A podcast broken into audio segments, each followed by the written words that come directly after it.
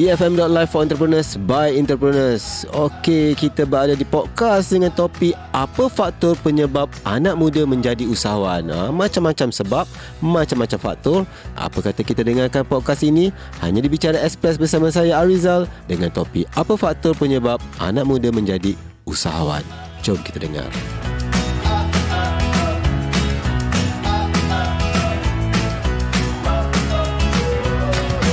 Dan seperti mana saya janjikan dengan anda, kita ada seorang usahawan muda yang kita bawakan ke studio hari ini iaitu selamat datang kepada Ashur Anwar, CEO pada EasyTech Digital Solution. Apa khabar? Baik, Rizal. Assalamualaikum. Salam. Hmm, sihat eh? Sehat Alhamdulillah. Ah, okey. Nak tanya ni, nak panggil apa Ashur? Panggil Ashur lah, betul lah. Ashur eh. Okey Ashur, boleh ceritakan berkenaan dengan EasyTouch Digital Solution ni. Apa dia sebenarnya? Ya, yeah, EasyTech is a apa small company uh-huh. yeah, with uh, SMEs yang fokus pada mobile app development. Uh-huh. So kita fokus untuk buat Android, iOS dan juga kita buat augmented reality dan juga virtual reality. Okay. So banyak orang tak faham uh-huh. uh, AR dengan VR. Uh-huh. So AR ni lebih kepada kalau kita guna Insta Story kan uh-huh. ada muka tu betul AR uh-huh. tu contoh lah. Uh-huh. And VR tu yang kita guna device kat kepala tu. Oh, okay. So mostly kita buat untuk uh, klien kita SME, startup, mm-hmm. government agencies. Mm-hmm. So one our, of our client is SME Corp, mm-hmm. uh, MAI. I see, okay. Magic pun ada juga. Mm-hmm. So uh, juga corporate company pun ada. So mm-hmm. kita banyak fokus pada client base lah. Mm. Uh, Berapa lama dah bisnes ni? Tahun ni kira tahun yang ketiga lah Sebab hmm, saya start Dah tahun, ha, lama juga. Hmm. Selepas saya graduate uh-huh. Saya terus start our my business lah. Hmm, Bercerita pasal graduate. Dulu belajar di mana di Ashur? Uh, belajar kat UAE Gombak. Okay, uh, dalam bidang apa tu? Bidang IT juga. Oh IT, jadi adalah related dia eh? Ha, yes, Antara bisnes sekarang dengan waktu dia belajar dekat hmm. UAE Alright, dan baru 3 tahun habis Terus buka bisnes Ah, uh, baru habis uh, graduate terus uh-huh. buka bisnes sekarang dah tahun ketiga lah bisnes hmm, ni. Okay, so jadi sekarang ni adakah Ashur um, membuka bisnes ni memang kerana memang minat ataupun macam mana? Uh, memang minat daripada kecil tu daripada uh-huh. memang minat berniaga. Ha, memang berniaga. Sebelum ni pernah berniaga lain lah. Ah macam-macam lah. Macam-macam lah. Jual oh. jersey lah. Oh ya? Yeah. Jual kat pasar malam Pasar Ramadan Semua dah. Okay. Dah pernah try Sekejap lagi kita nak cerita lagi Nak tanya lagi Nak korek lagi. Kenapa usaha-usaha muda ni Masuk dalam dunia bisnes ni? Adakah mereka kerana Dia orang minat ke? Dia orang Suka-suka dulu ke? Ashur ni macam mana? Adakah kerana Ashur memang minat bisnes Ataupun hanya just try Tiba-tiba tengok bisnes tu Boleh pergi jauh Atau macam mana So saya involve dengan apa dunia keusahawanan ni daripada form 1 lah hmm. daripada sekolah dekat MRSM dulu. Mhm. MRSM dia ada macam program usahawan muda ataupun kelab usahawan muda. Mm-hmm. So masa tu saya join. Mhm. Yang kita ada orang buat lah meniaga kecil-kecilan dekat dalam sekolah ataupun dalam mm-hmm. asrama. Mhm.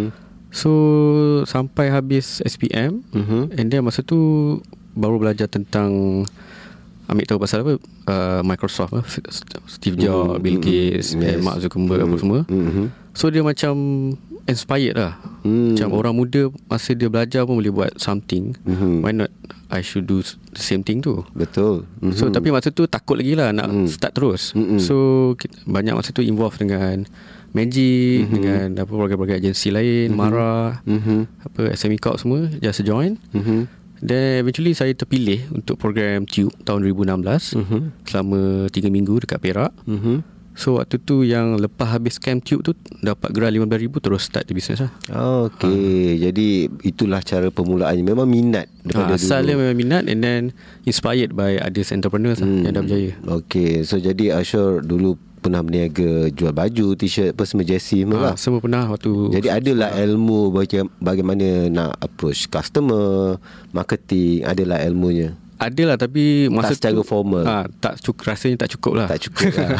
Jadi uh, bila dah join dengan Magic dengan banyak agensi-agensi ataupun badan-badan yang memberikan ilmu uh, berkenaan keusahawanan baru lebih lebih confident. Ah ha, betul. Hmm okey itu je.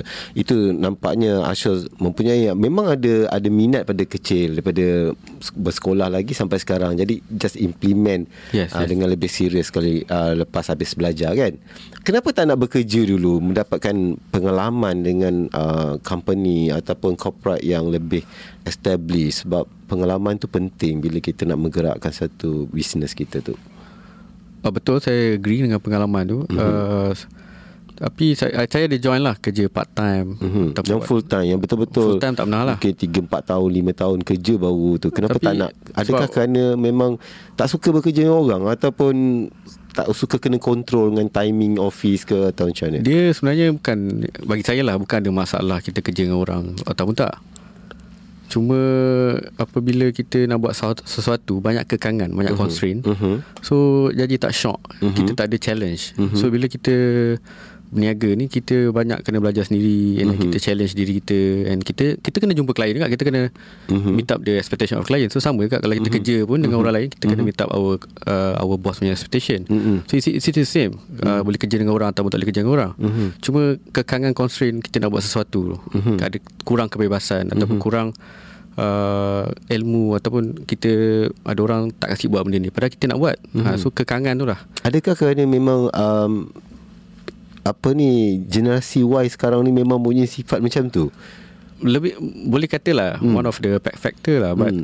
uh, generasi Y ni lebih suka buat sesu- sesuatu dia nak tunjukkan yang he, he can dia can do it Hmm. by themselves they can make something they can create something Mhm. but uh, eventually experience is needed there because during my business pun dalam 3 years ni pun Mhm. memang betul penting pengalaman tu sebab tu kita uh, saya cubalah untuk partner dengan orang yang lebih senior daripada saya Mhm. sebab orang punya view insight ataupun wisdom tu lagi penting lah Mhm. sebab kadang-kadang kita orang muda ni pakai pakai langgar je Betul. tapi tak Mhm. jadi Mhm. so instead kita kena collaborate ataupun partner cari mentor yang lebih senior Mhm, betul. senang untuk kita tahu mana yang betul Hmm, jadi memang uh, selain daripada memang uh, generasi Y itu sendiri memang mi, memang suka yang berdikari kan sebab ramai dah kita jumpa yang generasi Y dengan yang sebelum tu mereka banyak ada beza lah. Selalunya yang berusia 40 tahun yang usahawan-usahawan ni kebanyakannya mereka bekerja dulu dengan orang ambil pengalaman pen, dia orang sendiri takut nak mencuba. Tapi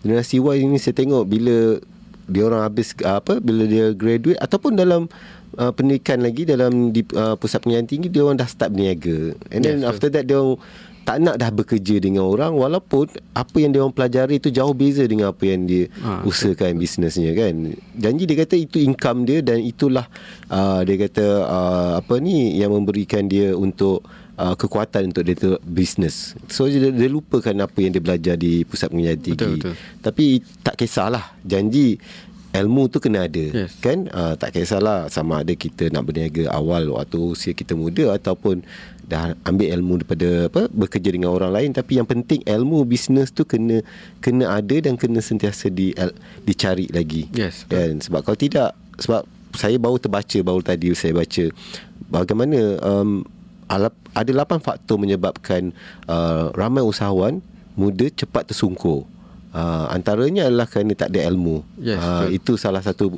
perkara paling penting sekali Yes. dan keduanya mereka ego. Yes, uh, itu yang saya baca tadi dekat uh, apa blog satu blog lah. betul dah Alright, katakan berlaku berlakunya um, satu tempoh yang tiba-tiba bisnes tu merundum. Ya, breakdown. Ah, breakdown kan. Sebab banyak persaingan. Mm-hmm. Kita tak boleh jangka benda ni kan. Uh, jadi apakah Ashur rasa Ashur akan teruskan juga bisnes ni. Akan terus fight untuk bisnes ni. Sebab ini kita nak tengok kekuatan mental dan fizikal Ah. usahawan muda tu. Ha, sebab ada yang kata, "Oh, saya akan tukar bisnes lain." Ha kan. Okay. Sebab saya rasa saya tak yakin dengan produk saya dah. Ha, so ada ada tak keberangkalian di situ? uh, sebab saya memang minat uh, buat bisnes and mm-hmm. the same time saya memang minat benda yang innovation Mhm. sebab tu saya buat benda IT Mhm. so but somehow memang saya akan buat benda yang sama lah Mhm. uh, apa, IT business ni lah Mhm. so dia akan mungkin kalau bukan dalam mobile, apps mungkin benda yang berkaitan, Berkaitan. Ha, so Hmm. sebab uh, benda ni yang buatkan saya lebih orang panggil drive untuk ke depan Betul. sebab Mhm. uh, dalam 3 tahun ni tipulah saya kata tak ada jatuh bangun Mhm. banyak kali juga jatuh Mhm. so waktu jatuh tu selalu saya remind diri saya apakah my strength apa yang boleh motivatekan saya Hmm, apa big why-nya Yeah, yes. buat bisnes tu so kan? I think is is uh, I think it's not a problem for me lah for now Mhm. and uh, because there are a lot of mobile agencies yang kat luar sana Mhm. So we still can fight for that uh, because we need to know our niche market, our our client first lah. Mhm, betul. Because right now, like during these five years, we want to re- rebrand ourselves as Mhm. bila orang ingat nak buat apps, saya ingat EasyTech, simple. Mhm. Apps je EasyTech tu je.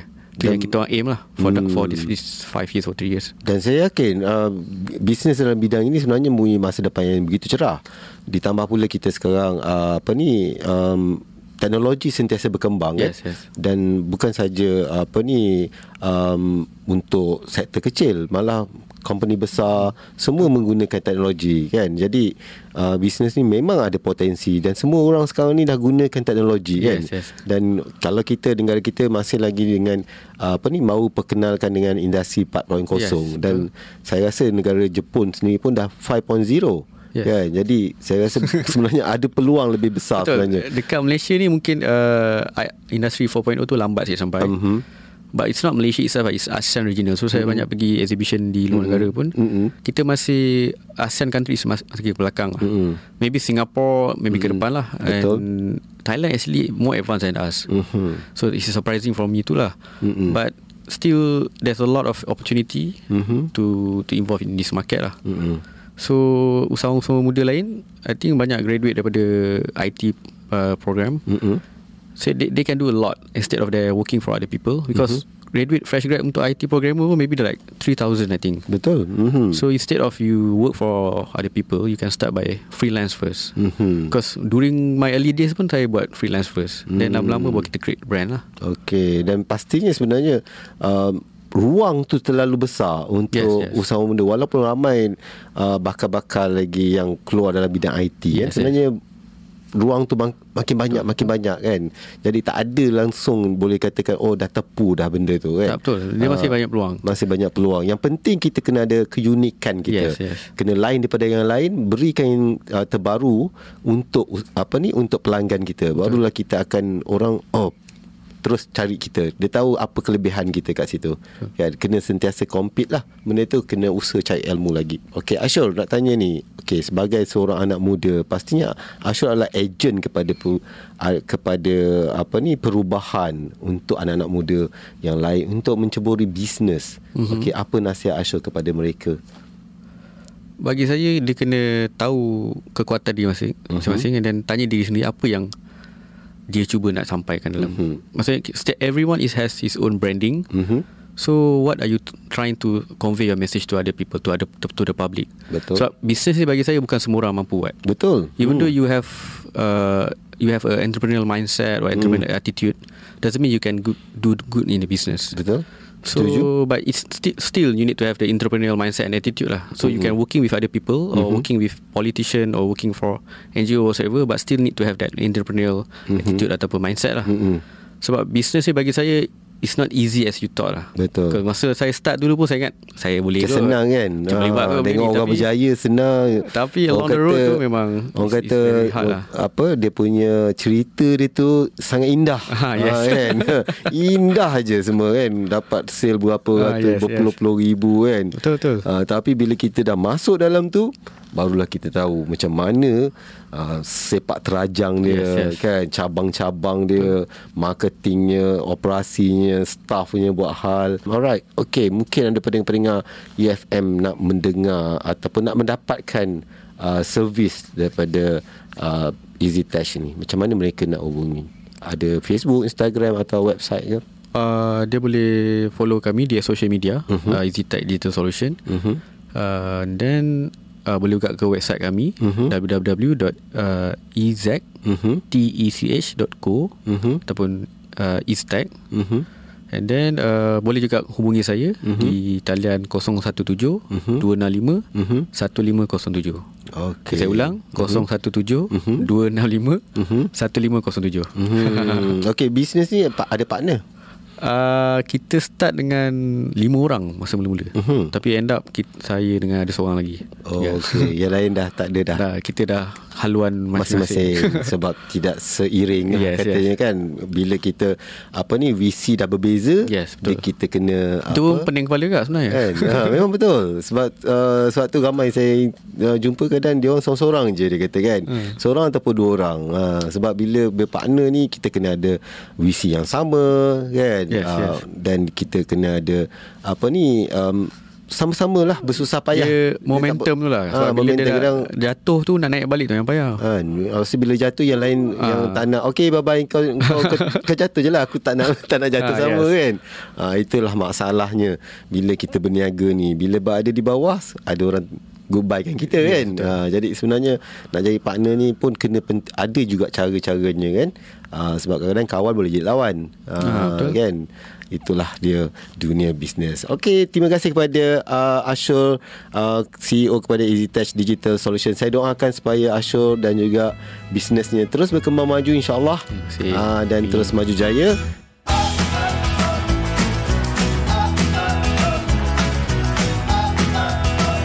Itulah podcast Bicara Express yang telah disediakan oleh tim EFM. Teruskan bersama kami di episod seterusnya hanya di efm.live for entrepreneurs by entrepreneurs.